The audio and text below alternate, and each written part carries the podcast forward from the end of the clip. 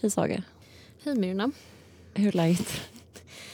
Det är bra. Jag är lite trött. Mm. Lite skör typ. Mm.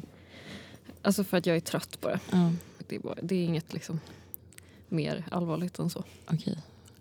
Hur är det med dig? Ehm, jo men det är ganska bra. Mm. Jag är också lite trött. Men jag har sovit jättebra den senaste, de senaste veckorna. Gud vad skönt. Så jag känner att jag har en sån stabil grund att stå på. Ja, Det är, jag börjar ta melatonin Mm. när jag ska sova. tar du såna gummies då? Nej, faktiskt inte. Jag tar bara vanliga piller. Ja. Det kanske är dumt. Jag kanske borde ta såna gummis när jag har chansen. Nej, jag, jag vet inte varför. alltså det är väl exakt samma sak. Det är väl bara att såna med vad eh, typ Khloe Kardashian Ja. tjänar Just det. alltså, en så marginell del av sin inkomst på. Typ. Men det eh, har gjort så jävla stor skillnad. Mm. Att jag börjar fundera på om jag eh, kanske hade sömnproblem innan. Ja, det är väl mycket möjligt. Om du mår så mycket bättre av att sova bra. Ja, men det är konstigt jag har aldrig tänkt på mig själv som en person med sömnproblem. Nej. Men eh, nu var det som att jag bara, ja, det brukar i och för sig ta minst en halvtimme för mig att somna Mm. varje natt. Och nu gör jag inte det. Nej, Och det gör ganska stor skillnad. jag förstår det. Så jag känner mig well rested. Mm, det var skönt. Ja. Ska vi dyka rakt ner i det? Det känns som att det finns så himla mycket att säga om den här boken. Ja, verkligen. tycker jag. Jag har inget annat att säga mer än att jag eh, har lyssnat väldigt mycket på One of your girls med Troye Sivan Ah. senaste veckan. Så bra. Den låten är så jävla Ja. alltså, bra. Alltså, det finns inte. Jag liksom bara längtar tills att vi har spelat in den här podden så jag kan lyssna på den. Och alltså musikvideon, Mm. har du sett den? Ja, Ja, den är helt otrolig. vi kan ha den som slutlåt. Ja, snälla kan vi ha det. Absolut. Jag håller verkligen med Johan Hilton som skrev på både Twitter, Instagram och Facebook idag. Jaså? Samma inlägg som var att han också tyckte att den låten var väldigt bra. Ja, vad roligt med en sån låt som får en att vilja agera. Ja, Alltså att man men så, det jag kände jag också det. nu att jag bara, Ja, jag måste liksom säga få det. utlopp för de här otroligt starka Ja. känslorna jag känner varje gång jag lyssnar på den och ser den videon. Vad gulligt. Nej men precis, vi har ju då läst eh, Doppelganger av Naomi Klein. Eller läst, bara, jag vet inte, upplevt, blivit I guess Ja. frälst av. Alltså jag vet inte. Ja, Vi har inte pratat om den här innan men jag har ju sett att du har lagt upp mycket om den ja. ja, under läsningens gång. Alltså jag har varit helt golvad. Jag med faktiskt. Mm. Alltså det har verkligen varit en sån bok som jag så här Alltså varit så här, jag måste bli klar med det jag gör nu så att jag kan fortsätta Mm. läsa den. Typ. Alltså jag har Verkligen. så här läst den varje tillfälle jag fått Mm. vilket är så himla ovanligt med en fackbok. Verkligen. Fan Ehm. vad hon skriver bra. Hon skriver så fucking bra verkligen. Det är så um, mystiskt nästan. Alltså, att man liksom inte riktigt förstår hur det går till. Typ. Det, nej precis, alltså det, hon gör det ju med ganska liksom, enkla medel. Mm. vad man ska säga. Men det är väl någonting också med att, jag vet inte, alltså någon som är så himla typ, erfaren med att skriva den här typen av böcker. Att Mm. det liksom inte känns som att det är någon typ av, alltså det känns inte som att det varit krävande för henne. Vilket säkert alltså det bara, Mm. Hon har bara gör det med sån jävla lätt hand. Mm. Liksom, och det är så så himla skönt. Man Som läsare. genom hela boken och får liksom så många, ändå inte alltid helt intuitiva saker presenterade för sig. Nej. Men som ändå, det, det är en sån perfekt logik i boken också. Ja, Alltså det ena följer verkligen på det andra. Ja, jag blev En väldigt perfekt ordning. Jag blev väldigt imponerad på hur hon liksom fick ihop det här. Jag känner mig väldigt inspirerad inför Ja. skrivandet av min egen bok. Fan vad härligt. Ja. Men kan du se då så här, det här, just det här ska jag försöka göra. Det här sättet. Eller? Nej, men menar, det, är ju det, alltså det är väl det jag sitter och försöker jobba med nu som är så jävla svårt när det är så att man har en idé om liksom någon typ av helhet. Mm. Men hur man ska liksom alltså bygga den helheten Mm. bit för bit är Mm. så jävla svårt. Mm. Liksom. Och särskilt när det är så himla många olika typer av tankar och idéer som liksom hänger ihop Mm. men som ändå inte är så helt identiska. Alltså Nej. hon har ju liksom ett övergripande Mm. tema men det temat tar sig väldigt många olika Mm. uttryck typ. Och Exakt. det, hon liksom får ju ihop det så Mm. jävla Ja. snyggt. Va? Ja, det är helt sjukt. Och det känns som en grej som vi pratat om lite, typ att så här, vem är målgruppen typ, i förhållande till andra böcker? Mm. alltså det känns så himla... Den här boken är så bra för att man vet att den kommer nå sin målgrupp. Mm. Och oftast när man vet att ett verk når sin målgrupp så kan man ju vara liksom så här, man finns det då någon poäng med att den skrivs för att antagligen håller alla bara med Ja. om vad som står. Typ. Ja. Men så är det inte här heller. Nej. Att den är så perfekt riktad. Typ. Ja, men jag Liksom. tycker det som är så jävla skönt med henne som är liksom jag har ju bara läst den här och hennes första bok, alltså No Logo, men är att hon är så otroligt självkritisk Mm. och självreflekterande. Mm. Alltså det hela tiden är att hon går tillbaka till sig själv Mm. och är så men och liksom inte på ett sätt som är så här självömkande eller att det liksom Nej. känns självupptaget utan att det bara är så Realistiskt. Typ. Ja, alltså, och att det är så här, men vad är min position Mm, här exakt. egentligen? Alltså varför... Från vilken plats säger jag det här? Ja, precis. Ehm, på ett sätt som också känns väldigt så här, alltså det inte känns som att det handlar om henne utan att det handlar också om en själv. Alltså Mm. att man börjar tänka på sin egen Mm. position. Mm. Verkligen. Är så jävla bra. Ja. Ehm, Alla måste faktiskt läsa men, ja, men det här känns ju verkligen som att det är väl, eh, det är väl liksom årets it-bok. Mm. Tror jag. Mm. Vi är ju inte de första att Nej. eh, lyfta den här. Men det bli den tredje podden som jag känner till bara. Ja, I Sverige då. Mm, I Ja. Sverige. Den kom ju Ehm, ändå ganska nyss. Alltså, ja, den kom för en månad sedan. Okej, men ska jag dra lite vad den handlar Mm. om då? Jättegärna. Naomi Klein är ju då liksom en eh, offentlig tänkare som har varit väldigt så här, aktiv i samhällsdebatten typ i USA och liksom i hela världen egentligen så här, de senaste 20 åren. Typ. Mm. Och hon är liksom socialist och har skrivit mycket om eh, alltså utforskat kapitalismen ur olika perspektiv. Liksom. Mm. Är liksom f- föreläst och undervisar och är verkligen så här en typ, hon är så granskande journalist, verkligen så intellektuell person. Liksom. Och de senaste ungefär då 15 åren så har hon liksom frekvent eh, sammanblandats med en annan offentlig författare och tänkare eh, som heter Naomi Wolf. Ja. Och hennes kändaste bok är ju den liksom boken som hon är känd för kan man väl säga. Är ju eh, en bok som heter Skönhetsmyten. Som ju verkligen är en så här modern feministisk klassiker typ. Som kom 1990 och den handlar liksom om att på 80-talet när så här fler kvinnor började komma in i arbetslivet så skedde det en sorts backlash som var att kvinnor behövde liksom bry sig mycket mer om sitt utseende på ett så här mer aggressivt och typ avancerat liksom strängt sätt än vad man hade behövt göra tidigare. typ Mm. och hade en sån liksom feministisk analys kring det. Som liksom nådde en typ av målgrupp av kvinnor som kanske inte riktigt nås av, eller hade nåtts av liksom feministiska... Jag har inte läst den själv men liksom det är det Nej. hon som skrivs. Ja. Det står i den här boken, det är liksom min uppfattning. att eh, Alltså som står i Kleins bok då, att den liksom nådde en typ av målgrupp av kvinnor som kanske inte hade så här bli, fått den typen av feministiska idéer presenterade för sig innan. Typ, så den gjorde väldigt starkt avtryck. Liksom. Och Naomi Wolf är då liberal och Naomi Klein är ju socialist. Men de har ändå vissa saker gemensamt förutom att de heter samma sak och väl har också ganska liknande efternamn. Det är så kort, ja, typ ett ord. Mm. De är båda liksom judiska amerikanska kvinnor med brunt hår i ungefär samma ålder Mm. Eh, som liksom, har varit aktiv i den offentliga debatten ungefär lika länge. typ. Mm. Eller Wolf har varit aktiv typ så tio år längre men liksom ändå under samma period. typ. Och de skriver böcker om liksom stora samhällsfrågor. Och det här började då för ungefär 15 år sedan men det den här alltså Doppelganger handlar om då är ju att den här sammanblandningen liksom intensifierats mer och mer under de här 15 åren. Mm. Samtidigt som Naomi Wolf liksom har eh, tappat det mer och mer. Ja. Och det här hänger liksom lite ihop. Alltså att Ja. hon har blivit mer och mer aktiv Mm. som någon sorts eh, galenpanna. Liksom. Ja. Och samtidigt har folk haft liksom svårare att kanske hålla reda, alltså trott att de är samma person eller liksom kanske inte vetat om vem Naomi Wolf är och trott att det är Naomi Klein Ja, som har precis. liksom blivit tokig. Typ. Mm. Och under pandemin så liksom avancerade Naomi Wolf till att bli som en sorts eh, frontfigur inom den så konspiratoriska extremhögern.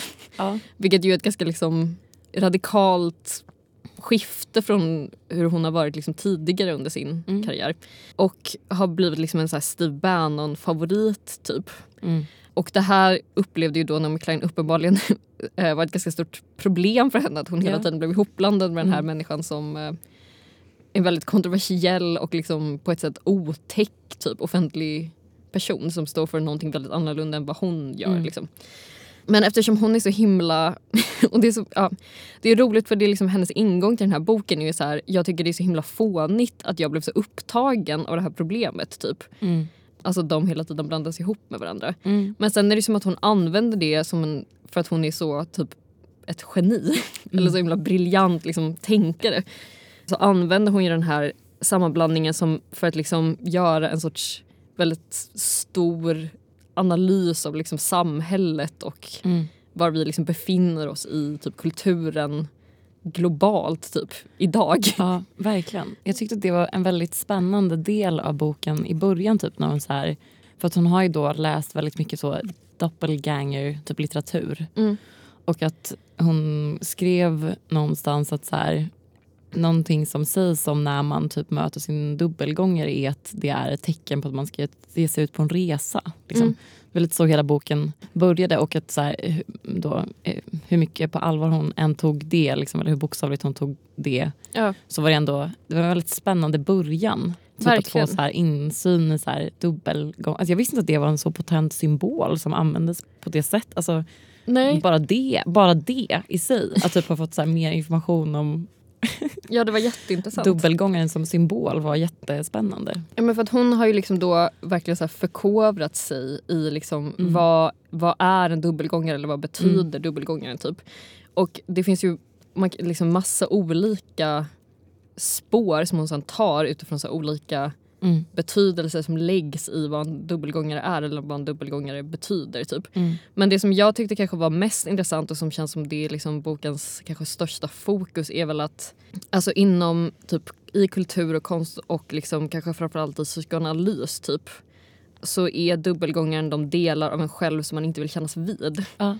Som kommer tillbaka Ja. till en och liksom plågar en för att få, en, att liksom få syn på sig själv. Ja. Typ. Och hon menar ju då att så här, dels är det ju så hon tänker att hon måste förhålla sig till Naomi Wolf och Mm. det är ju det som sen får henne att liksom tänka att Mm. det kanske kan fungera som en analogi för liksom hela, Hela samhället, samhället. Ja. och hela så här, den politiska debatten. Typ. Ja. Det är så jävla intressant. Ja. Det är typ det jag, eller jag kommer att komma in ganska mycket på det, kanske inte konstigt. Nej. Det är bokens övergripande tema. Men eh, ja, alltså precis att vi liksom vi inte vill kännas vid de delar vi mest föraktar hos våra politiska motståndare i oss själva. Typ. Mm. Och att hon menar att det är ett sånt otroligt eh, grundläggande typ problem med Mm. politik idag. Liksom. Ja. Ja, det är så väldigt intressant. Verkligen. Alltså det är också så här, ing- grät flera Ja. gånger Ja. jag jag, fick liksom rysningar. Ja, jag fick också jag bara, det här, är, det här är för bra. Jag tycker också alltså nu med allt som händer i Israel-Palestina. Ja precis, hon har ju en jättestor del som handlar om det också Ja, som typ är så kapitel intressant. som är alltså, det bästa jag läst om den konflikten. Ja, Det enda jag läst som är rimligt om den konflikten, typ någonsin. Ja. inte det enda, men det är verkligen så, alltså, hon är så himla hon är så himla klarsynt. Hon är extremt klarsynt, verkligen. Alltså det, jag förstår inte hur hon kan se um, saker så tydligt. och det är också så skönt för att hon är så, också, hon är så klarsynt och hon är också så utfarlig. Ja. Alltså det är som att så här, alltså hon missar liksom ingenting som man känner här, men varför tar du inte upp Nej. det här? Alltså hon liksom Ja. ser alltid allting från alla olika Ja. typ vinklar som man behöver se det på. Liksom. Ja. Ja, det var väldigt underbart. Alltså, jag känner verkligen att... ehm, jag vet inte, det bara är så himla skönt. Det är också som att så här, ingen orkar liksom... Det tyckte jag också var så intressant. Liksom, för att Hon går ju in i den här boken med att så här, det, här, det här är så himla dumt att jag typ har lyssnat på de här Mm. Steve Bannon-podden och tittat på de här konspirationsvideorna och liksom, så här, lagt så här mycket tid på att liksom, Ja. sätta mig in i det här. Man Ja. bara nej, det är, Men det är så, så, bra. det är så jävla bra för Du det är liksom hjälte. ingen som gör det. Jag vet. Verkligen. Alltså det är liksom ingen som orkar Nej, men- lägga den tiden och Nej. energin på att göra det och särskilt inte någon som är, sen kan så här, säga så jävla Ja, nej, smarta exakt. saker Precis. om det. Liksom. Nej, men det var, hon, tog ju, alltså det känns ju, hon gav sig verkligen ut på en resa. Ja. Kändes som. Och så liksom på en lång, lång vandring Precis. som var krävande. Ja, Men så tacksamt för oss ja. att hon gjorde det. Det är kanske Ehm. den bästa boken jag läst i hela mitt liv. Nej, men det, här är verkligen, eh, det här är verkligen en bok som, jag vet inte, alltså, alla borde verkligen läsa den här Alltså, boken. Den är alla. så jävla liksom, viktig att ha ha med sig. Alltså den ger en så himla mycket. Ja, liksom. Och den är så rolig att läsa. Ja. Alltså det är, vissa böcker kan vara så här, ja, den presenterar viktiga idéer som man bör känna till typ, eller som kan vara bra att ha koll på. Men som också innehåller mycket motstånd, typ, eller så här, att det kan vara svårt. ja. Det här är bara ett, liksom, ett vattenfall. Alltså det är bara att följa med. Alltså liksom Ja. inget noll motstånd överhuvudtaget. Nej, det, var, det är en underbar bok verkligen. En underbar, underbar bok. Ja, men det är det du ska prata om. Ja, jag ska prata om dödsdriften. Mm. Eh, lite. Sabine Spielrein. idé. Ehm, ja, från början ja, precis. Ja. Som sen later adopted av Freud. Japp. Jag kommer utgå mest från Freud. Trodde det ej. Jävla kvinnohatare. Vad ska du prata om? Eh, Jag tänkte prata lite om ekonomiseringen av hälsa. Ah, underbart.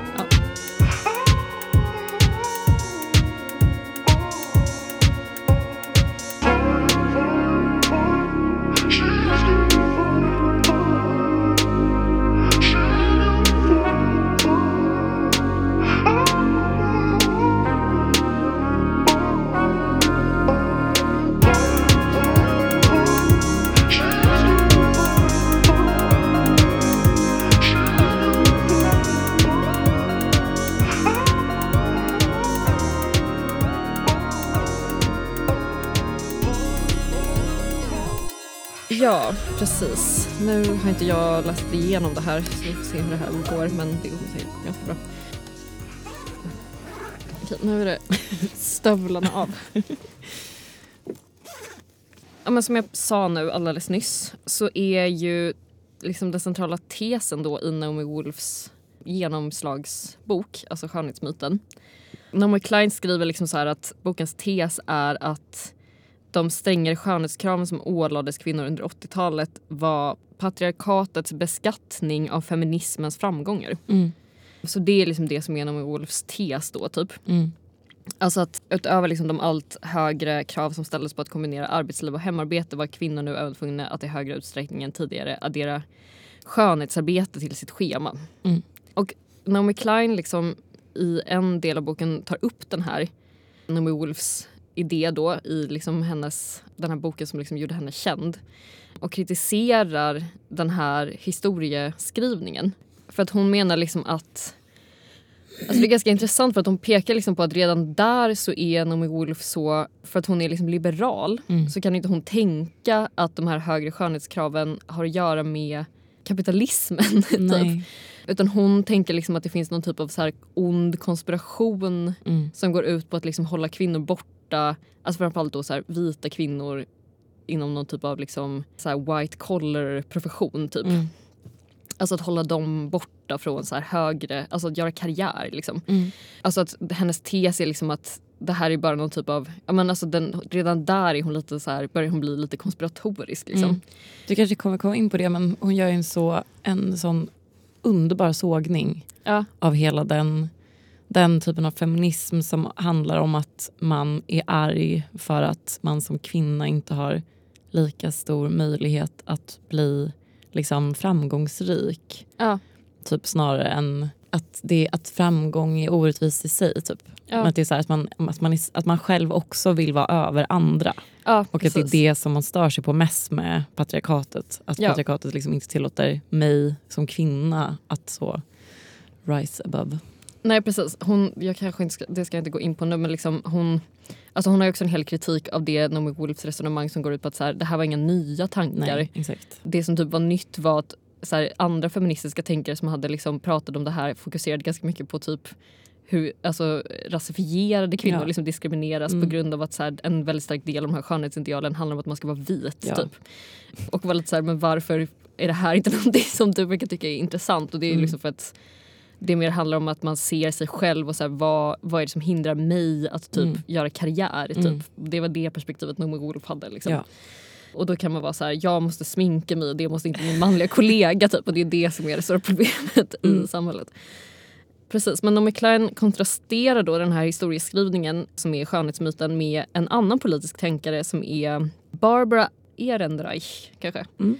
För att 2018 kom hon med en bok som Naomi Klein tar upp då som heter Natural Causes med undertitel An epidemic of wellness, the certainty of dying and killing ourselves to live longer. Mm. Det här är då inte en bok som jag har läst men nu läser jag liksom Lomi Kleins referat av den typ. För där argumenterar hon då för att den här jakten på liksom hälsa och wellness och skönhet och att man ska liksom optimera sin kropp och ha en perfekt, bygga en perfekt kropp och så vidare. Mm. Håller på med aerobics typ. Som liksom blev, eh, alltså som är en väldigt stor så här, skillnad mellan typ 70 och 80-talet. Mm. Inte hade att göra med att det fanns någon liksom, konspiration som inte ville att Naomi Wolf skulle ha, göra karriär typ. Nej. Utan att det berodde på eh, nyliberalism Mm. som ju var någonting som blev väldigt centralt liksom, inom Mm. världspolitiken på 80-talet under Reagan och Thatcher och så vidare. Och då eh, liksom argumenterar Barbara Ehrenreich för att när hoppet om rättvisa och kollektiva visioner om ett gott liv krossades, alltså efter typ 60-70-talet, Mm. var det som blev kvar att liksom alla skulle bara... Alltså det var every man for himself. Liksom. Ja. En värld av atomiserade individer som tryckte ner varandra i hopp om att få någon liten fördel på den nyligen avreglerade prekära arbetsmarknaden. Ja. If you could not change the world or even chart your own career you could still control your own body, what goes into it and how muscular energy is expanded. Mm. Skriver hon då. Och i sin bok så gör Naomi Klein liksom en ganska så här halsbrytande och liksom väldigt spännande och väldigt korrekt tycker jag. Mm. Koppling mellan då den här drömmen om liksom kroppslig perfektion och eh, nazistisk ideologi. Ja. Eh, och det här är liksom en koppling som på ett sätt är ganska uppenbar och som vi också har liksom varit inne på i tidigare och avsnitt. fascism. Ja, och som är så här, det är liksom Alltså hela det här att liksom, typ det västerländska idealet om så här, kroppslig hälsa Mm. kommer ju från att man ska liksom optimera alla samhällsmedborgare Mm. och så kommer från ett krav på inordning liksom, Mm. och att det hänger ihop med att man ska liksom rensa ut typ oönskade element. Alltså, så här, det är ju liksom, det Mm. vet man ju om. Typ, eller så här, det är ju ganska Mm. ganska allmänt känd grej. Liksom. Men det jag tycker är så intressant är liksom att eh, Naomi Klein är så typ, explicit att dra den här parallellen Mm. mellan liksom, wellness idag Mm. och nazism idag. Ja. Och liksom nazism och wellness typ historiskt. ja. Och menar att det liksom är en alltså, direkt Mm. linje som löper genom historien. Liksom. ja. Hon skriver så här. The very idea that humans can and should be optimized lends itself to a fascistic worldview. Because if your food is extra clean, it can easily mean that other people's food is extra dirty. If you are safe because your immune system is strong, it can flip to mean others are unsafe because they are weak.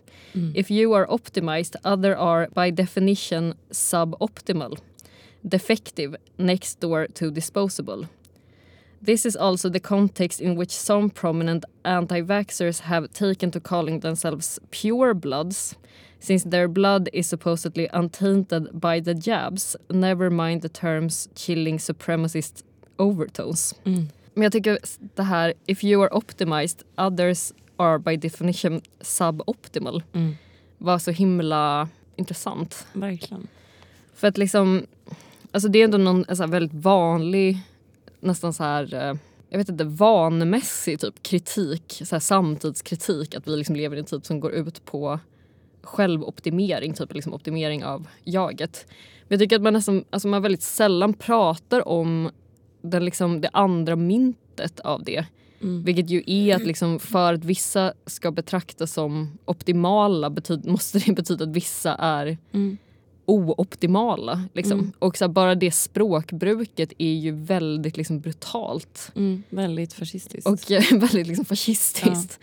Alltså inte ens, det är inte ens en överdrift att säga det. Så det, det är ju liksom ja, nej, dela upp människor Ja, i, på det sättet ja, och exakt. hierarkisera människor liksom, baserat på deras kroppsliga liksom, mm. och mentala typ, förmågor är ju väldigt, väldigt obehagligt. Liksom. Och det kanske in- inte är något som man lyfter lika mycket som man borde göra. Typ att, så här, alltså att optimera sig själv inte bara är en kamp mot en själv. Alltså för att Nej. övervinna ett sämre, ett sämre jag. Liksom. Nej. Alltså det är också en kamp mot de som är svagare och mindre optimala än en själv. Mm. Alltså per definition blir det ju så. Liksom. Ja. Den här optimeringsdiskursen är liksom söndrande, självisk och svaghetsföraktande. Mm. alltså motsatsen till omhändertagande, gemenskap och omsorg. Mm, verkligen.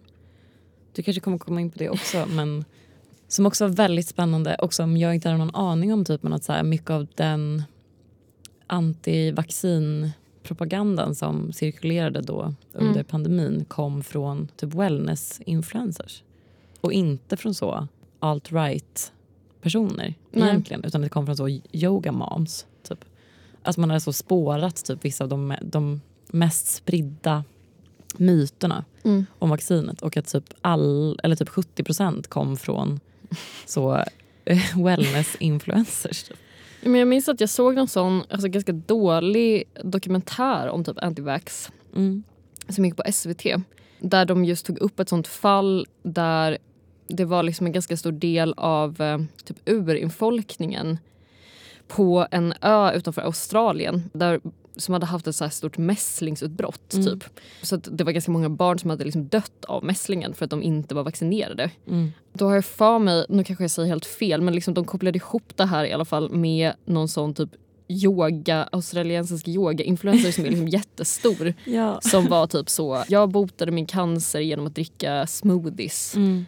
och du ska inte vaccinera ditt barn mot mässling. ja. Det Ja. är så intressant. Ja, det är jätteintressant och det är jätte, jätteläskigt. Ja, för man tänker ju att det kommer från typ um, Trump-anhängare liksom främst. Ja, Den antivax-grejen. Men att det egentligen kommer från hippies. Typ. Eller så renlevnadsmänniskor. Eller liksom den så... ja, ja men de kopplingarna mellan Ja, liksom, exakt. typ så här högerextremism och nynazism och eh, typ new age Ja. och eh, wellness Ja. är ju alltså väldigt typ tydlig och väldigt mm, creepy. ja. Och det, hon lägger fram det caset så jävla bra och tydligt. Ja, Så att man verkligen. verkligen förstår. Ja, precis. Och jag läste en eh, recension av den här eh, boken av Barbara Ehrenreich. Mm. Där citerar, I den här recensionen då, så citerade de ett stycke som jag tyckte var väldigt bra. Så jag tänker läsa nu. Mm. Every death can now be understood as suicide. We persist in subjecting anyone who dies at a seemingly untimely age to a kind of biomoral autopsy. Did she smoke? Drink excessively? Eat too much fat and not enough fiber? Can she, in other words, be blamed for her own death? Mm. Ja. Det var väldigt bra Ja. skrivet tycker jag. Nu har jag då inte läst den här boken. Nej. Men liksom ett- baserat på Naomi Kleins resonemang om den och liksom det hon skriver apropå typ den här boken så tycker jag att det är någonting som typ saknas lite. Och det Mm. var det jag tänkte gå in på lite nu. Mm. För att Klein beskriver då den här liksom besattheten av att kontrollera kroppen som någonting vi tar till när vi har gett upp allt hopp om att vi kan kontrollera världen. Mm.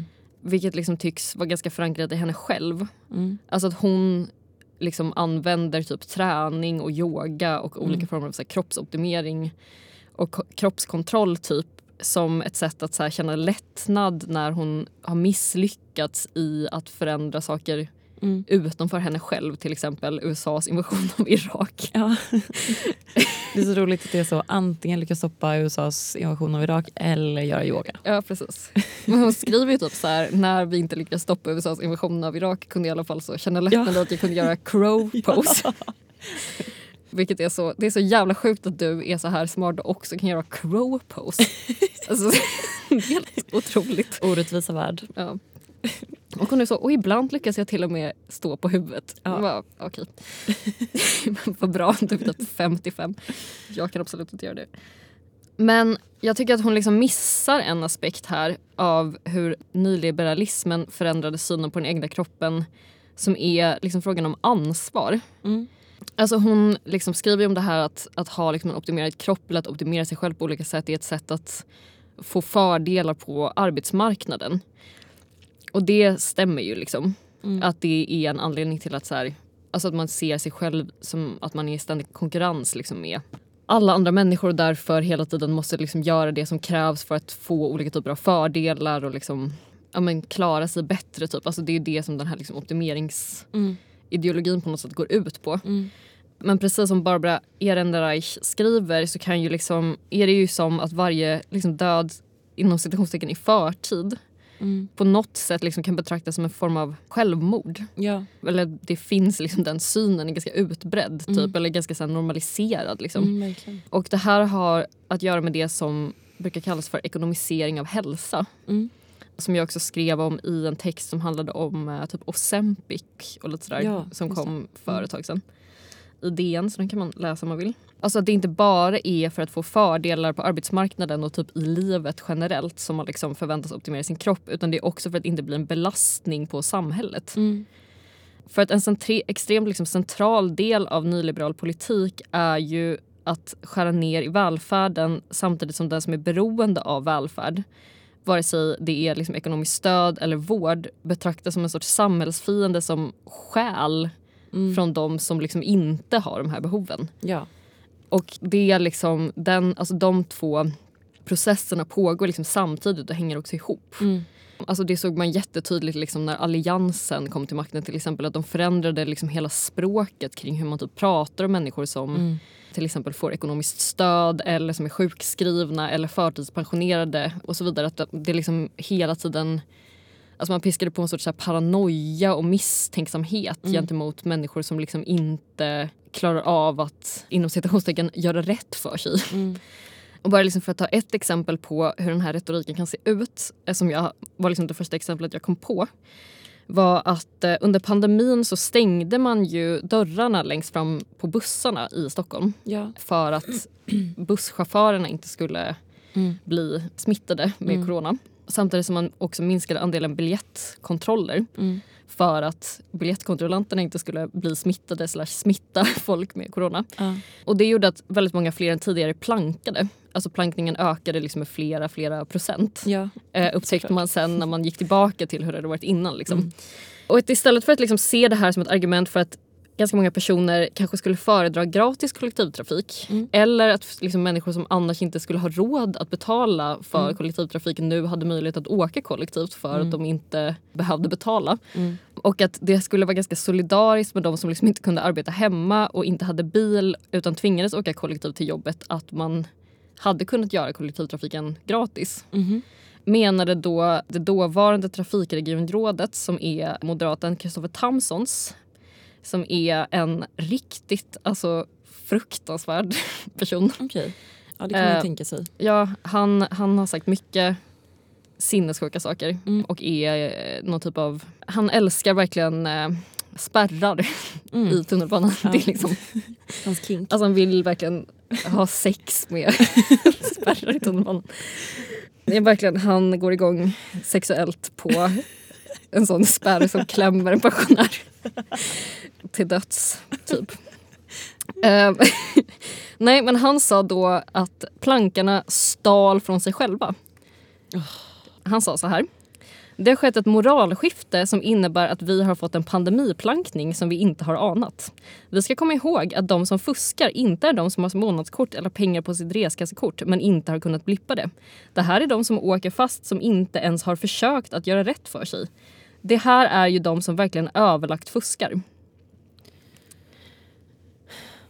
Eh, ja, Ja, och vad ska man säga?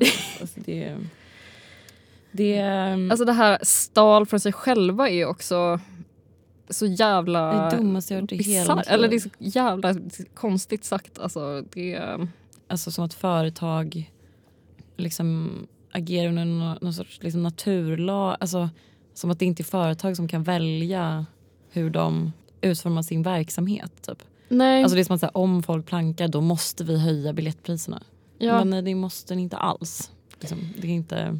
nej men också om det han menar med stal från sig själva är att de som plankar stjäl från de som då betalar. Alltså att Det är, inte, det är ju helt obegripligt att förstå vad han, Nej, men I så fall är det ju då om så här, för så, såna, det har man ju sett argument för höjda biljettpriser. Mm. Det är så här, allt fler plankar så att vi måste höja biljettpriserna. Och typ att det skulle vara då ett argument för att inte planka för att det skulle vara något sorts kollektivt. Typ. Ja, Men så är det inte för det är ju företaget som betalar. Ja. Och det är företaget som bestämmer vad biljetterna ska kosta. ja, Och det där är ett företag som går med jättemycket vinst. ja. Och den, det hade de inte behövt göra. Det skulle kunna vara skattesubventionerat. Liksom. ja, det hade kunnat vara gratis. Det hade kunnat vara kostnadsfritt. Ja. Men liksom den här retoriken då Mm. Alltså det här är de som åker fast som inte ens har försökt att göra rätt för sig. Det här är ju de som verkligen överlagt fuskar. Den finns ju inom liksom alla samhällsområden Mm. Där det fortfarande finns någon typ av välfärd kvar Mm. i alla fall.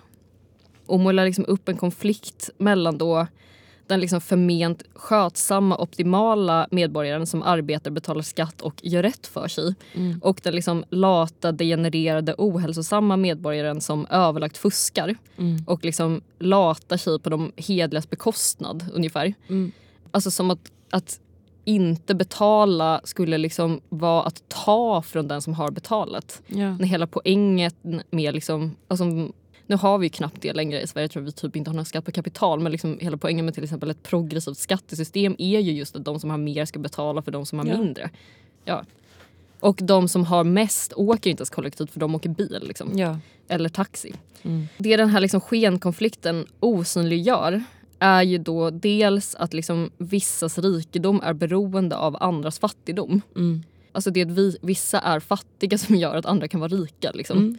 Och dels att det liksom inte finns några garantier för att man aldrig i sitt liv kommer att bli sjuk, arbetslös, skadad, deprimerad eller utbränd. Nej, verkligen inte. Snarare känns väl det som något oundvikligt.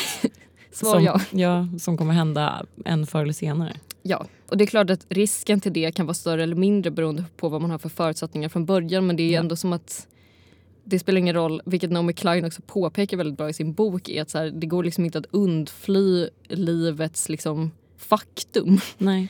Som till exempel att man lever typ i en kropp som Blir man gammal. inte har, eller man lever inte, alltså man är en kropp Ja. som det kan hända olika saker med Ja. som man är liksom bortom ens kontroll. Nej, verkligen. Och att man hänger samman också med alla andra människor i samhället Mm. som kan göra Mm. saker mot en eller för en som också är bortom ens kontroll. Mm. Och här tänker jag liksom att man kan använda den här dubbelgångstanken som en sorts analysverktyg. Mm. Alltså den här viljan att optimera sig själv kommer ur en ovilja att också se typ det svaga, hjälplösa och beroende i sig själv. Ja. Eller den möjligheten. Liksom. Mm. Och den här blicken på liksom de sjuka och arbetslösa, utbrända och förtidspensionerade som en samhällsfara kommer liksom ur oviljan att erkänna att det också är jag. Ja. Alltså man vill liksom utradera det som samhället ser som en börda också från sin egen person. Mm. Men det är liksom omöjligt. Mm. Alltså man kommer ju att bli... Alltså nu förstår jag att det är på, ett, mm, liksom, på en massa olika sätt men bara en sak som är så himla tydligt är att man kommer att bli gammal. Ja. Och det är oundvikligt. Ja. Alltså bara det i sig alltså, gör ju en eh, svagare och eh, mindre optimal. Liksom. Och det är ju ound- alltså verkligen det går ju inte. ja, man blir sämre och sämre hela Ja, tiden. Liksom. ja, och det är kanske inte... Alltså, man hade också kunnat tänka sig att man skulle kunna leva i ett samhälle där det inte var så farligt Mm. att det var så. Ja, mm. Men det är inte det samhället vi lever i just nu. Nej. Minns du det när hon skrev om hon den här Glow Mama? Ja. Jag tyckte det var så himla intressant och jag tyckte att det så här, satte fingret på någonting som jag inte har förstått med människor som inte vill vaccinera sig. Ja. Att för att retoriken var ju att man skulle vaccinera sig för andra människor. Liksom. Att även fast man själv är frisk så ska man göra det för att inte sprida smittan till andra. Och att den här youtubern då, eller liksom wellness-influencern Glow Mama Ja.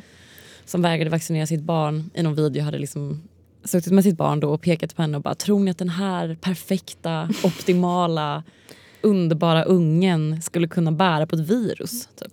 Ja. Och det är ju verkligen liksom samhällets syn på typ friskhet och sjukdom. Ja. Typ att så här, det finns människor som kan bli sjuka, det finns människor som inte kan bli sjuka. Ja. För att man har en så himla individualistisk syn på det. Att det är så här, jag kan skydda mig själv från sjukdom genom att vara optimal.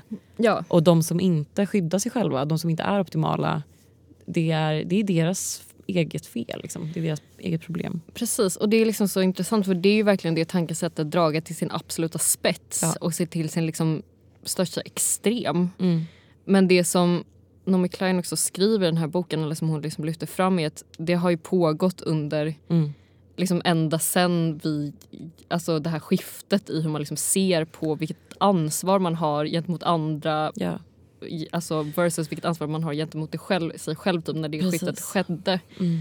så har ju den synen på sig själv och andra blivit mer och mer förstärkt och under Mm. pandemin så blev den ju också, alltså då gick den ju till den extremen Ja, i jättestor skala liksom. Mm. Men det var också så intressant och jag tycker att hon verkligen har en poäng i det. Att det är så här, vi har levt i ett samhälle nu så himla länge som har varit så här, den enda du behöver bry dig om är dig själv. Ja. Och du behöver bara se till dig själv och sen plötsligt kommer en pandemi och så är alla så, eh, nu måste du tänka på andra. Ja. Och att jättemånga människor är så här, vad fan menar du? ja, Vad, alltså typ inte att ha det i sin begreppsvärld. nej, Liksom. Och sen så tror jag att det var ju såklart helt annorlunda i USA än vad det var i Sverige. ja. Av en massa olika skäl. Men, men det känns ju verkligen som att det i USA alltså var det som att här, man nästan tyckte eller typ det resonemanget hon lägger fram i boken som jag var ja det är typ helt rimligt att människor inte vill göra någonting för andra.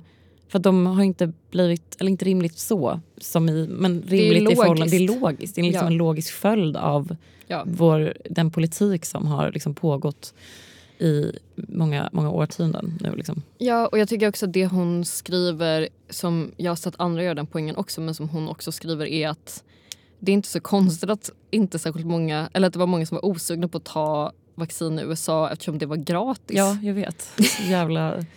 Och de blir misstänksamma. Ja, precis. Vilket inte är konstigt Nej, överhuvudtaget. verkligen inte. Som Alltså, all annan sjukvård i USA kostar ju liksom. jättemycket pengar. Så varför skulle just det här vara gratis Ja, så plötsligt? de är såhär, men var, hur kan ni säga att det här är säkert när jag vet att all sjukvård som är gratis är, är skit. skit Ja, liksom. verkligen. Eh, Ja. ja. Så är det med det. Så är det med det. Ja, Ja, det var väl det ungefär. gud vad spännande. Apropå det här så tyckte jag att jag såg en väldigt rolig... eh, Eller jag tyckte att jag såg... Men jag såg en, väldigt, en meme som jag tyckte var rolig Ja. häromdagen. Som, jag vet inte riktigt hur den går ihop med det här. Nej. Men den. memen, alltså det var inte en... Det var bara en rolig text Mm. som var I'm taking a break from my mental health to focus on my social media. Ja. Det tyckte jag var ganska bra. Mm. Subversivt. Verkligen. Jag måste, alltså, en grej också som inte heller har, som inte har med det du sa, jag pratade om nu att göra och som inte heller har riktigt med det som jag kommer att prata om att göra men som Nej. jag ändå tyckte var en så jävla intressant poäng i boken som jag bara måste typ säga någonting om Ja. var alltså Hitler-delen. Mm.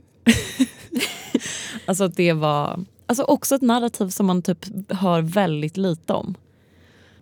Det hade pågått en politik i väst... Alltså det finns ju en sån grej som är så här, om du kunde åka tillbaka i tiden hade du åkt tillbaka och dödat Hitler. Typ. Ja. Och det är en sån efterbliven retorik. Alltså Ja. Dels för att det såklart fanns, alltså Europa var fruktansvärt antisemitiskt då liksom. Och att, ja, det, var inte, det var inte Hitler bara.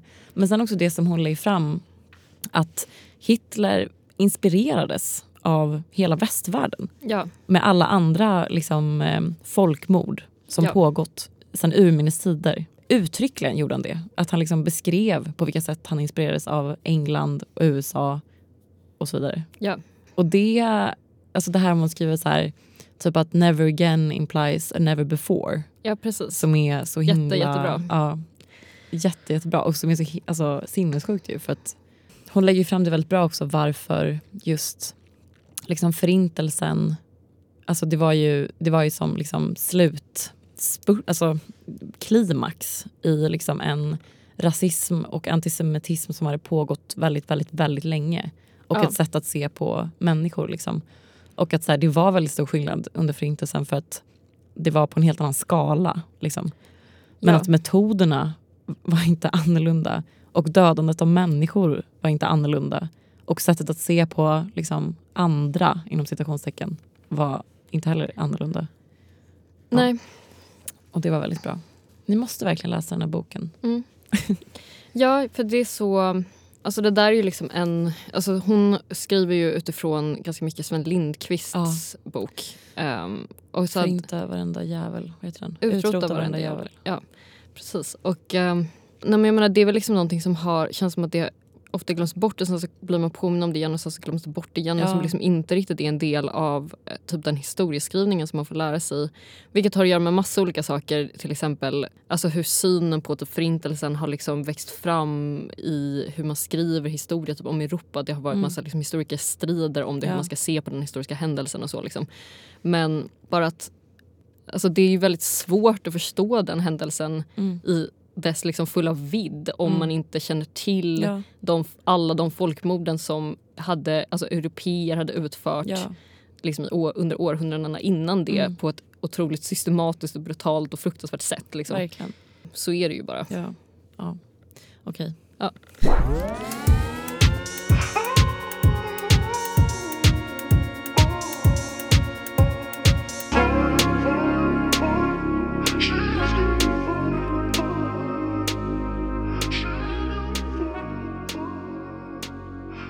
What if the reason we tweet is because we wish we were dead? Det undrar Max Reed Mm. i en essä med titeln A Psychoanalytic Reading of Social Media and the Death Drive. En essä han skrev efter att ha läst boken The Twittering Machine av Richard Seymour. En bok som jag också har läst faktiskt nu. Mm. Eh, Saga, Mirna. är du rädd för döden? Alltså det här har vi pratat om off air. Men alltså, jag måste faktiskt svara helt ärligt att eh, både ja och nej. Mm. Det är ju liksom djupt sinnessjukt att inte vara rädd Ja. för döden på något sätt. Men jag skulle säga att det liksom inte är den enda känslan jag har inför Nej. döden. Och det kanske inte är min starkaste känsla kring det heller. Just Nej. nu i alla fall. Okej. Vad är din starkaste känsla kring det? Så inga känslor alls. Mm. Som en känsla? Ja, Ja, jag fattar. ja. Spännande. Jag är i alla fall rädd för döden. Fruktansvärt rädd för döden. Så rädd att jag, som jag redan har pratat om flera gånger i den här podden, större delen av år eh, 2020 var paralyserad av skräck och panikångest inför tanken på att dö. Hade det här med corona att göra? Nej, jag var inte så rädd för vi... Eller det är klart att jag var rädd i början. Ja. För att, det var, för att ingen visste vad det var. Men, eller, och jag tror att liksom, hur världen förändrades under pandemin kan ha spelat ganska stor roll. Ja. Och jag blev ju nykter och så då också. Eller jag var ju nykter hela det året. Just det. Så jag tror att det var en eh, perfekt storm Ja. av olika saker. Men vad är det då som är så läskigt med döden? Är det det att vi inte vet vad det är som händer? Är det rädslan för ensamhet? Eller är det så som jag efter ett tag började misstänka var fallet för mig? En så djupt rotad narcissism som gjorde det omöjligt för mig att föreställa mig att världen inte var min upplevelse av världen. Som att min död skulle innebära slutet på verkligheten. Mm. Eh, och på ett sätt så är det sant att döden är slutet på verkligheten. Som att den är ju slutet på allt för en själv. Liksom. Mm. Och det är den enda verklighet man känner till, den som pågår i ens eget huvud framför ens egna ögon. Men Freud har ju då en teori om the death instinct, eller death drive, som först presenterades i boken, boken med en otrolig titel, Mm. Beyond the pleasure principle. Mm. Freud var verkligen en titlarnas man. Mästare. Alltså, vi vantrivs i kulturen Ja. är ju en otrolig titel. Ja.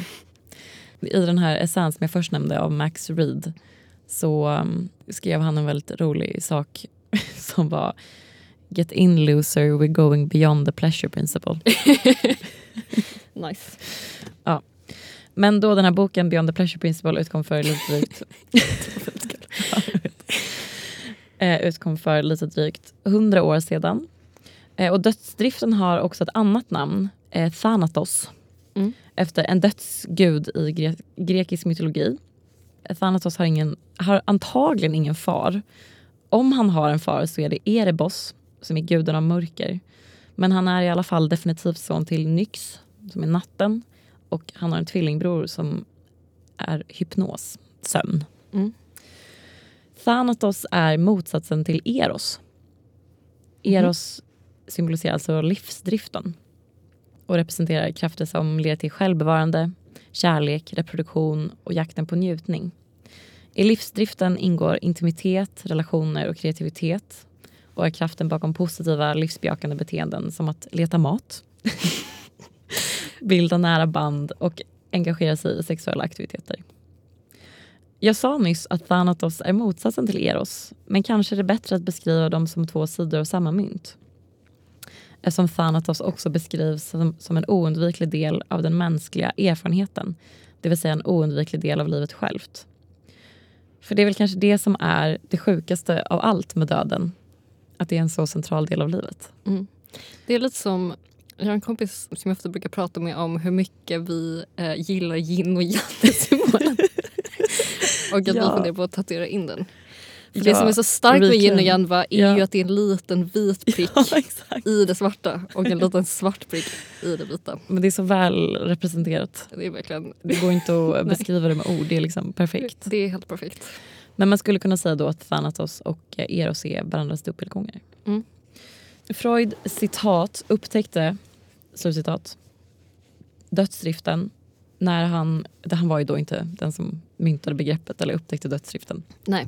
Men han populariserade eh, konceptet. Men han eh, gjorde det i alla fall när han eh, försökte förstå varför soldater från första världskriget som han alltså behandlade då hade svårt att gå vidare från det hemska de varit med om. Och också när barn som ha- hade varit med om traumatiska saker typ i sin lek hela tiden återvände till att gestalta de här traumatiska upplevelserna. Mm. Om Eros, då, eller livsdriften eller the pleasure principle skulle vara människans starkaste drivkraft, varför, möttes, varför mötte han så många människor som inte alls verkade drivas av njutning utan snarare dess motsats, smärta? It amounts to saying that the true goal of living is dying. Läste jag i en artikel om dödsdriften av Richard Boothby. Idag skulle vi antagligen beskriva detta i andra termer, alltså anledning till varför folk återupplever sina trauman och så. Mm. Eh, Jag är faktiskt inte säker på om det finns någon vetenskaplig liksom konsensus i traumaforskning om vad som orsakar flashbacks och det att traumatiserade individer vill återuppleva minnet av det traumatiska. Men jag har i alla fall hört teorier om att det beror på hur hjärnan typ lagrar traumatiska minnen. Mm. Alltså minnen som blir till när affektnivån är så stark som den rimligtvis är i en traumatisk situation. Minnena blir då som liksom fragment, som korrupta filer, trasiga och flashbacksen är liksom ett sätt för hjärnan att försöka pussla ihop de bitarna. Mm. Men oavsett vad man tycker om att Freud tar detta som bevis för en death drive så tycker jag ändå att dödsdriften utgör ett intressant psykologiskt koncept. För hur kommer det sig att så många av oss lägger så mycket tid på saker som får oss att må dåligt? Hur kommer det sig att så många av oss har självdestruktiva vanor? Att så många av oss dras till det som är mot, själva motsatsen till liv? Apati. Men jag vill egentligen inte börja där. Nej. Jag vill börja med att prata om en poäng Klein gör i sin bok. Hennes, enligt mig, främsta poäng. En poäng jag också varit inne på eh, tidigare i den här podden men utan att kom, kunna formulera den ordentligt. Och den poängen är, eller liksom den poängen som jag har sagt förut, eller det jag har sagt förut om det här är att eh, konspirationsteorier är rimliga. Mm. Och den tes som Klein driver kanske man kan förenklat kan beskriva som att Trump och allt vad han innebär inte är motsatsen till Obama och allt vad han innebär utan snarare en konsekvens av honom.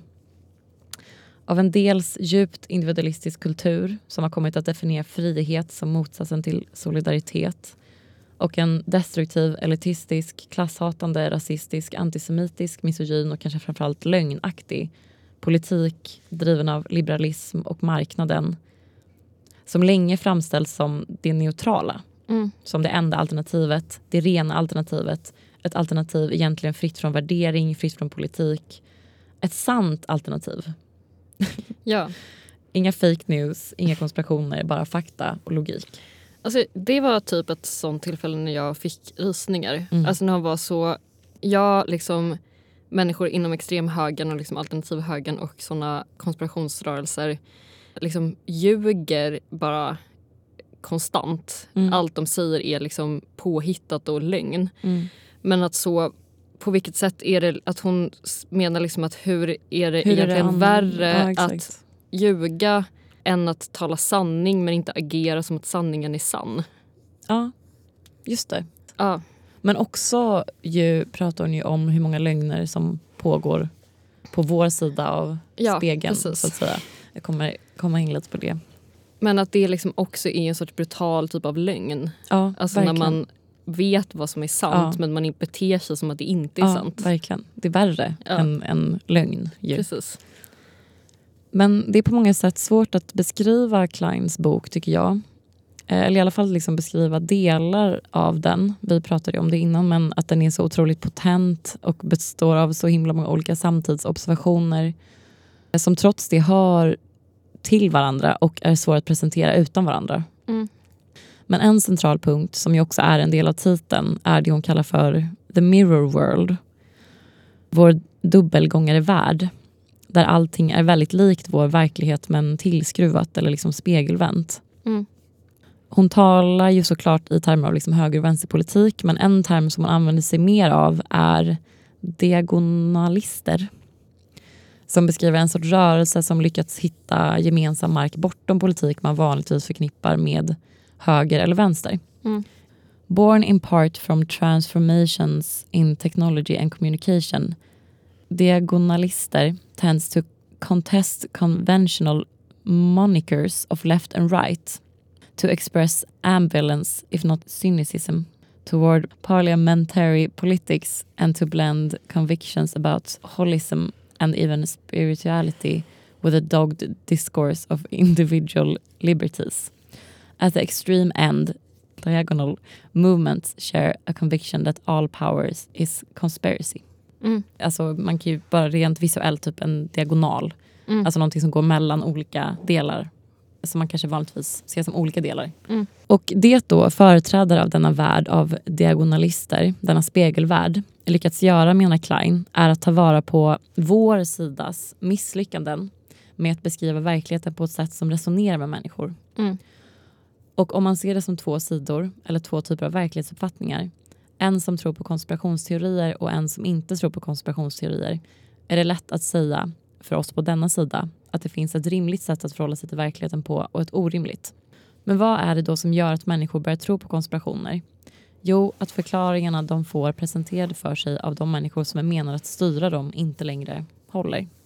Liberal investments in individualism result in thinking of power as residing in individuals and groups rather than structures.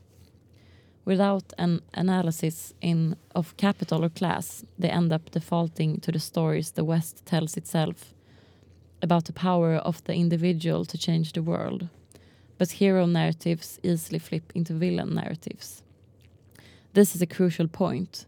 Conspiracy culture does not challenge the hyper individualism that is the heart of so many crises reaching their breaking points. Instead, it mirrors it, putting all the blame for society's ills on singularly powerful individuals. It is no good to only try to understand how things have gotten so strange. We also have to understand how strange they already were. In the neoliberal era that began in the 1970s and has not yet ended, every hardship and every difficulty, from poverty to student debt to home eviction to drug addiction, has been pathologized as a personal failing. Every success, meanwhile, is lauded as proof of the relative superiority of the supposedly self-made. Och det var ju lite det vi var inne på innan. Mm. Men alltså att den här spegelvärlden inte är liksom en motsats till hyper till individualismen egentligen alls utan en konsekvens av det eller en förutsättning. Mm. Och det Klein säger här också att det, blev, det var liksom inte att saker blev typ tokiga, alltså så som man kan höra många typ liberala företrädare typ beskriva det idag som att så här, allting var helt normalt och bra och sen så kom Trump typ. Nej. Och att det var då det blev dåligt utan allting var tokigt från början. Ja, eller det har vi pratat om tidigare. Men jag menar, alltså det är väldigt konstigt att liksom glömma Reagan, ja. George W Bush den äldre, George W Bush den yngre. Alltså det literally är så, en pappa och hans son var Mm. presidenter. Bara så med en president emellan väl. Alltså det är ju också helt Det är inte... jävla sinnessjukt liksom. Nej. Bara det, alltså det är ju som det är i Saudiarabien liksom. Ja, verkligen. Alltså det är någon typ av monarki. Alltså det är ju helt bisarrt. Men det, det gillar man inte riktigt att tänka på. Nej det glömmer Så- man gärna bort. Det glömmer man gärna bort. Det passar inte riktigt ens narrativ. Men då liksom att det inte bara var heller tokigt på vad ska man säga, den andra sidan. Utan att det är ju ändå vad man får kalla vår sida på något sätt. Ja. Alltså den normala världen. Ja. Innan allt började liksom splittras eller gå åt helvete typ. Men då, hon pratar väldigt mycket om konspirationer. Mm. Jag tycker att någonting som hon gör väldigt tydligt i den här boken är liksom att konspirationer är en produkt dels av ett hyperindividualistiskt samhälle och dels av alla de lögner som vårt samhälle bygger på. I ett särskilt välskrivet och potent stycke berättar Klein om det som republikanerna kallar the big steal. Mm. Att Trump egentligen vann valet mot Biden 2020. Och detta är då något som demokraterna kallar the big lie. Mm. Klein beskriver att det är en lögn och att det är en stor lögn och en farlig lögn. Men han undrar också om det är the big lie. Bigger say than trickle down economics, bigger than tax cut creates jobs och så vidare. Så alltså, Ja. nämn- kommer med massa fler exempel på saker som är mycket mer, liksom, Av en stor längd. mycket mer av en stor lögn. Ja. Och vi pratade om det innan, men det här med dubbelgånger och vad de symboliserar och att det spegelvärlden liksom representerar är inte vår motsats utan våra misslyckanden. Mm. Och i den här boken som jag då nämnde tidigare, The Twittering Machine, så skriver Say Moore When long dominant ideologies break down and when social interactions are increasingly governed by a confusing war of all against all, paranoia is a natural response. Mm. En vanlig liberal kritik mot Trump är ofta att han är en lögnare, att han sprider falsk information. Och eh, Seymour skriver en väldigt bra sak om detta också, liksom angående sanning och lögn typ, och om det överhuvudtaget finns någonting som är sanning. The problem here is that this wasn't simply about disagreement as to the basic facts. Disagreement about basic facts is a condition of a functioning democracy. A fact is just a measurement, and there's always some legitimate disagreement over the relevance of the measurement, the tools used to make it, the authority of the people doing the measuring, and so on. Mm. There are no facts without values, so only in a polished state can there be a factual consensus. Och det samhälle vi har fått är ett resultat av att vi allt för länge fått en idé om att det finns sanningar bortom värderingar. Att kapitalism och liberal demokrati är det enda rimliga alternativet. Och jag tycker att det är typ den här poängen som Klein gör bäst i sin bok. Att det är liksom en väldigt normal konsekvens av hur vi har pratat om sanning. Ja. Och att det i den här sanningen finns så himla många saker som inte går att förklara. Nej. Att det är då väldigt logiskt att människor börjar ägna sig åt konspirationsteorier. Ja, alltså jag menar nu är ju liksom inte det hon kallar för liksom the mirror world vänster. Nej. Men det är ändå någonting som är intressant med att liksom om ett alternativ är liksom ett sätt att se på världen som är då det liksom nyliberala sättet att se på världen presenteras som det enda sanna eller det Ja. enda liksom rätta Mm. så blir per automatik allt som säger emot det lögn. Liksom. Mm. Exakt. Alltså, eller då blir Ja. ju lögnen som liksom, Ja. lögnen blir någon typ av eh, motståndsmetod, alltså en väldigt dålig motståndsmetod och liksom ja. inte särskilt effektiv och ibland väldigt direkt typ skadlig eller farlig. Liksom. Mm. Men det blir på något sätt, eller jag vet inte, om det liksom råder konsensus blir på något sätt det är så förvirrande och Mm. eh, kaotiska och liksom motsägelsefulla det enda sättet att gå emot det på. Typ. Mm. Verkligen. Det blir, eller ja, jag vet inte, det blir någon typ av effekt av det i alla fall. Liksom. Verkligen. Hon skriver också om det, eller om det var Simon som skrev det, jag minns inte riktigt. Men att eh, liksom, konspirationer är också bra för vår sida av spegeln. Det är inte din och min sida men liksom ändå den sida som då representerar någon sorts rimlighet. Typ. Mm. För att det, liksom, den riktiga konspirationen är ju såklart kapitalism. Ja. Men det är bra om, om det finns så många olika tokiga konspirationer där ute att liksom ett socialistiskt projekt bara är en av dem. Ja. Som är ju lite det som har hänt också på något sätt. Ja. Men hur hittar då dödsdriften sin plats i allt det här? Klein skriver att hon efter att i två och ett halvt årtionde skrivit om de brott som begås av de oligarkiska eliterna ofta går igenom perioder när allting gets the better of her. Mm. The sweatshops and oil spills, the Iraq invasion, the 2008 financial crisis, the coups that threw a generation of idealists out of helicopters in Latin America, Washington's coordinated attack on Russia's nascent uh, post-Soviet democracy that created the oligarchs and paved the way for Vladimir Putin.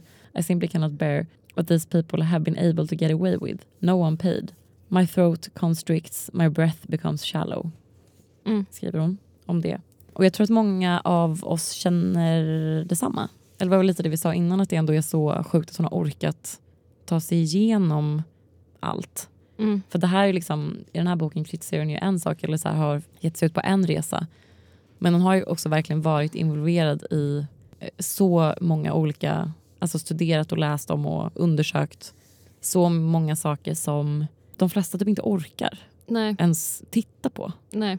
Alltså jag känner ju det typ när jag är på Twitter, det enda jag gör är bara att ignorera och blockera olika personer. Och det det är är bara att de har andra åsikter än jag. Ja, Alltså jag orkar inte. Jag orkar inte bli, jag orkar inte känna saker Nej. inför politik. Alltså det är för, eh, liksom, det är för jobbigt. ja och det är också ett sånt otroligt eh, jobbigt tillstånd att vara i. Att känna sig så här upprörd och frustrerad och arg och inte ha något utlopp för det. Typ. Jag har inte kunnat göra någonting. Nej. Jag så citerade en tweet jag varit så fruktansvärt nu efter det här terrordådet liksom, som i sig såklart är jättefruktansvärt men att det är så många svenska politiker som försöker göra till en, eller liksom försöker få det att handla, handla om så här papperslösa typ. Att så här, vi måste skicka hem papperslösa omedelbart, illegala människor i det här landet, det är det farligaste som finns. Typ, Alltså så. terrordådet i Bryssel. Ja exakt, precis. Och det är bara så, alltså jag, alltså hon, hon skriver väldigt bra om det, Klein också, att hon kan känna sig liksom att hon inte har några ord. Typ. Nej. Jag kan verkligen känna så också att det är så här. Jag vet inte vad jag ska säga. Det finns, jag känner att det finns liksom inget, inget jag kan säga för att få de här människorna att- förstå liksom hur gemene papperslös person lever. Eller vem det är, hur det ser ut. Nej, men det är väl också att man inte vill bemöta det för att hela liksom, utgångspremissen är ju fel. Ja. Alltså så här 20 steg bakåt. Ja, typ. verkligen. Alltså det blir så svårt. Ska jag liksom möta dig när du står på en så galen plats som Ja. att det typ är en rimlig plats att prata utifrån? Ja, nej precis. Exakt. Man vill ju liksom börja diskussionen någon helt annanstans. Ja. Men det som händer då är ju liksom att vi inte orkar deala med det. Men det är ju samtidigt det som behöver dealas med är liksom livet självt. Alltså det här är ju livet också. Eller man ska säga. Ja. Eller det är ju vår verklighet. Och vad gör man då när man inte kan deala med livet? Man dör. Jo. Seymour beskriver sociala medier eller sociala industrier som han kallar dem, vilket jag tycker att vi också ska börja göra, för chronophages. Termen kommer från en japansk science fiction manga-serie och eh, det står så här. The chronophage, also known as a time eater, is a space creature that feasts on a planet's time. It is typically viewed as a great cosmic evil for the chaos it actions inflict. Och Seymour argumenterar då för att en industri som monetiserar, liksom kapitaliserar på tiden vi spenderar på våra devices är då en sorts chronophage. En maskin som organiserar och mäter vår knappa uppmärksamhet och ger ett numeriskt värde till varje scroll, paus, tangenttryckning och klick. A near death experience, säger Mm. Seymour. Hur The Chronophage kämpar för vår uppmärksamhet påminner Seymour om det österländsk kristendom kallade för as- asedia. Mm. Asedia är då en föregångare till det mer moderna begreppet melankoli. Den beskrevs också som brist på omsorg om sitt liv, en håglös, rastlös och andlig slöhet. Tillståndet gjorde det som tidigare varit ens förmåga att närvara, ens förmåga att leva som om det var viktigt att leva, till en series of itches demanding to be scratched. I slutändan var det avhumaniserande, bortfrätande av mening. Det var en andlig död. Och när vi inte vet hur vi ska leva så vänder vi oss mot döden. Det är synd bara då att denna plats för att dö, alltså sociala medier, också har blivit ett verktyg för fascism i någon sorts jätteond spiral. Mm. Och hur algoritmerna är menade att funka lämpar sig otroligt väl för konspirationer. Seymour skriver så här. A coin toss could be said to contain two bits of information whereas a random card selection has 52 bits. The more uncertainty, the more information. The same principle applied to sentences means that statements with less sense actually have more informational capacity. An increase in information could be proportionate to a reduction in meaning.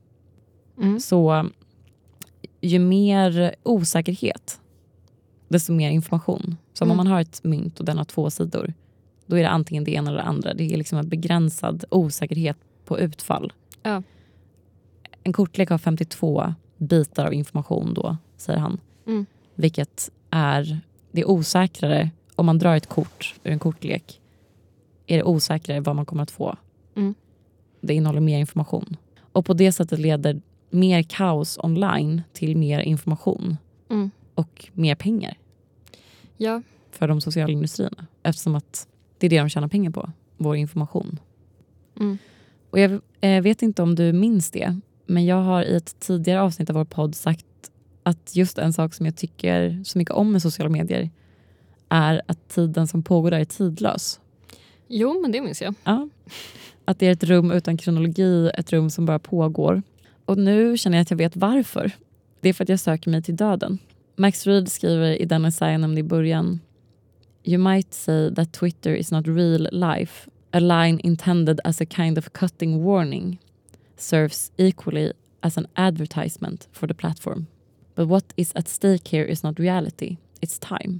Jag ska avsluta med att säga att jag alltid trott att döden är det jag är mest rädd för när det i själva verket är livet Mm. som gör mig panikslagen. Och det jag längtar efter är att få försvinna eftersom att vara försvunnen, vara redan död är det enda skyddet mot att kunna försvinna. Det enda skyddet mot att kunna dö. Ja. Tack för mig.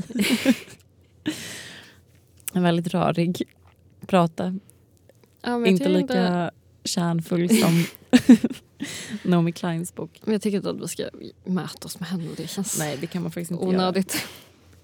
Jag tycker att det är liksom... Alltså jag, tycker, ja, jag vet inte, det är så starkt liksom att hon är så ödmjuk Ja. boken igenom. Ja. Faktiskt, alltså det är väldigt... Eh, det, gör mig, det gör mig väldigt glad att någon som är så, liksom har så mycket typ att ge världen också är så ödmjuk. För att hon skulle inte kunna göra det om hon, typ, om hon liksom inte var det. Nej, verkligen. Och att hon typ också är så, alltså nu, jag måste sluta prata om sättet. Men typ att hon också är så ödmjuk inför när hon inte är ödmjuk. Ja, verkligen. Alltså förlåtande typ. Ja. Ehm, och samtidigt skarp liksom. Mm. ja, men, eh, Så, så ska man vara. ja, men det är precis som du sa i början. Att någonting som hon verkligen gör så bra är att hon förstår vilken plats hon själv kommer ifrån. Ja, liksom.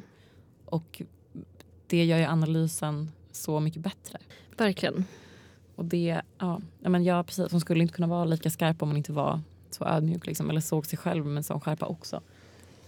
Men det som ehm, jag nästan tycker, jag vet inte, något som var kanske det jag tog med mig mest från den här boken är att den är så himla hoppfull. Ja, verkligen.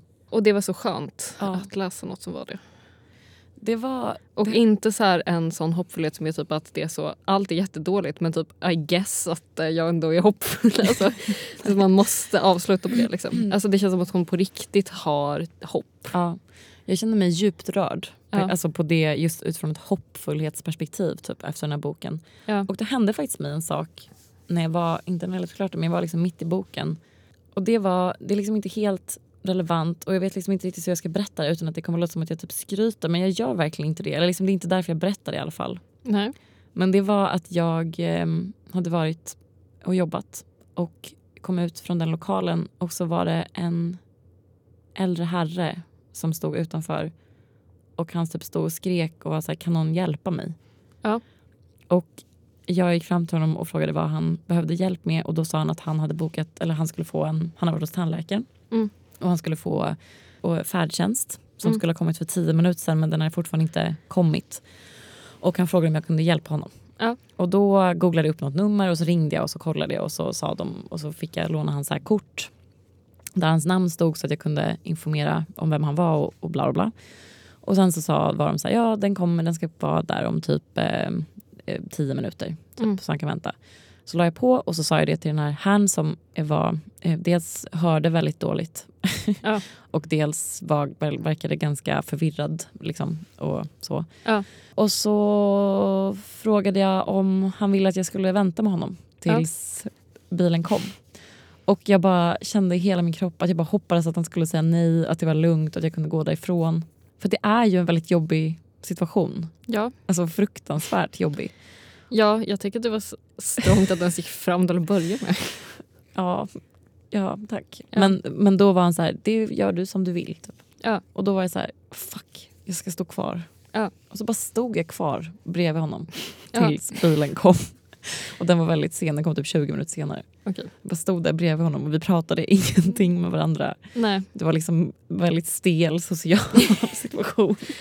Ja. Och eh, ja, det kändes väldigt olustigt och märkligt bara. Men jag kände ändå, jag vet att det här det är liksom inte någon, det leder inte till någon strukturell förändring. Men jag ändå kände att så här, jag vill vara någon annan Mm. i det här samhället. Jag vill inte blunda typ, Nej. för det som är jobbigt. Jag vill leva, kände jag. När jag läste den här boken. Jag tycker inte alls att det var skryt. Bra. Jag tycker det var inspirerande. Okej, bra. Jag menar, det är ju så himla... Jag vet inte ens om jag ska säga det här. Men jag menar, varje gång man typ är med om någon sån grej så känner man ju sig väldigt Mm. alltså, rörd. Eh, Alltså inte rörd som i att man känner sig rörd. Alltså man känner sig rörd. Ja, Alltså det är något som Någon rör på ja, sig verkligen. i en själv. Typ. Ja. Eh. Tycker jag. Ja, men det är ju det som vi har varit inne på de två senaste avsnitten av vår podcast också. Ett som inte har släppts än eftersom att vi inte har fått ljudfilerna från Bokmässan. Nej, det känner mig lite mer rörd av ett annat sätt. Som är irriterad. Ja, jag med. Men vi har ju pratat mycket om ensamhet liksom, Ja. och det. Och ehm, community, typ.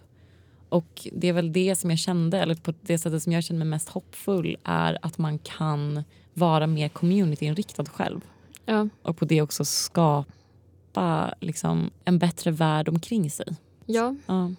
Och sen så är det en miljard andra grejer som också behöver göras. Liksom. Men att det ändå känns som ett bra ställe att börja på. För att organisering kräver ju många personer. Liksom. Eller så här, man måste börja någonstans med idén om att människor kan ha en gemensam idé. Typ. Eller att människor kan höra ihop på något sätt. ja, jag tror bara att det också är ganska skönt att känna att man själv kan typ agera. Mm. Ja, verkligen. Även om det är i liksom verkligen det, det minsta, Minsta. minsta. Mm. Istället för att göra yoga. Ja. ja, det kan man göra också. Okej. Ja. Känner vi oss klara? Ja, det gör vi väl. Okej. Hej då Ehm, Myrna. Hej då Saga. Hej då ni som lyssnar. Vi hörs om två veckor. Nu, får, Ja. nu kommer ni få höra världens bästa låt då. Men också, det kanske kommer komma ett litet surprise det. Bokmässan poddavsnitt någon gång Ja, framöver. När, Förhoppningsvis. när jag får filerna Ja. så kommer jag att lägga upp den. Ja, det kommer när det kommer. Ja. Nu ska ni få höra en helt jävla otrolig låt. Ja. Hej då. Hej då. Everybody loves you, baby. You should trademark your face. Running on the block to be around you. But baby, I'm first in place.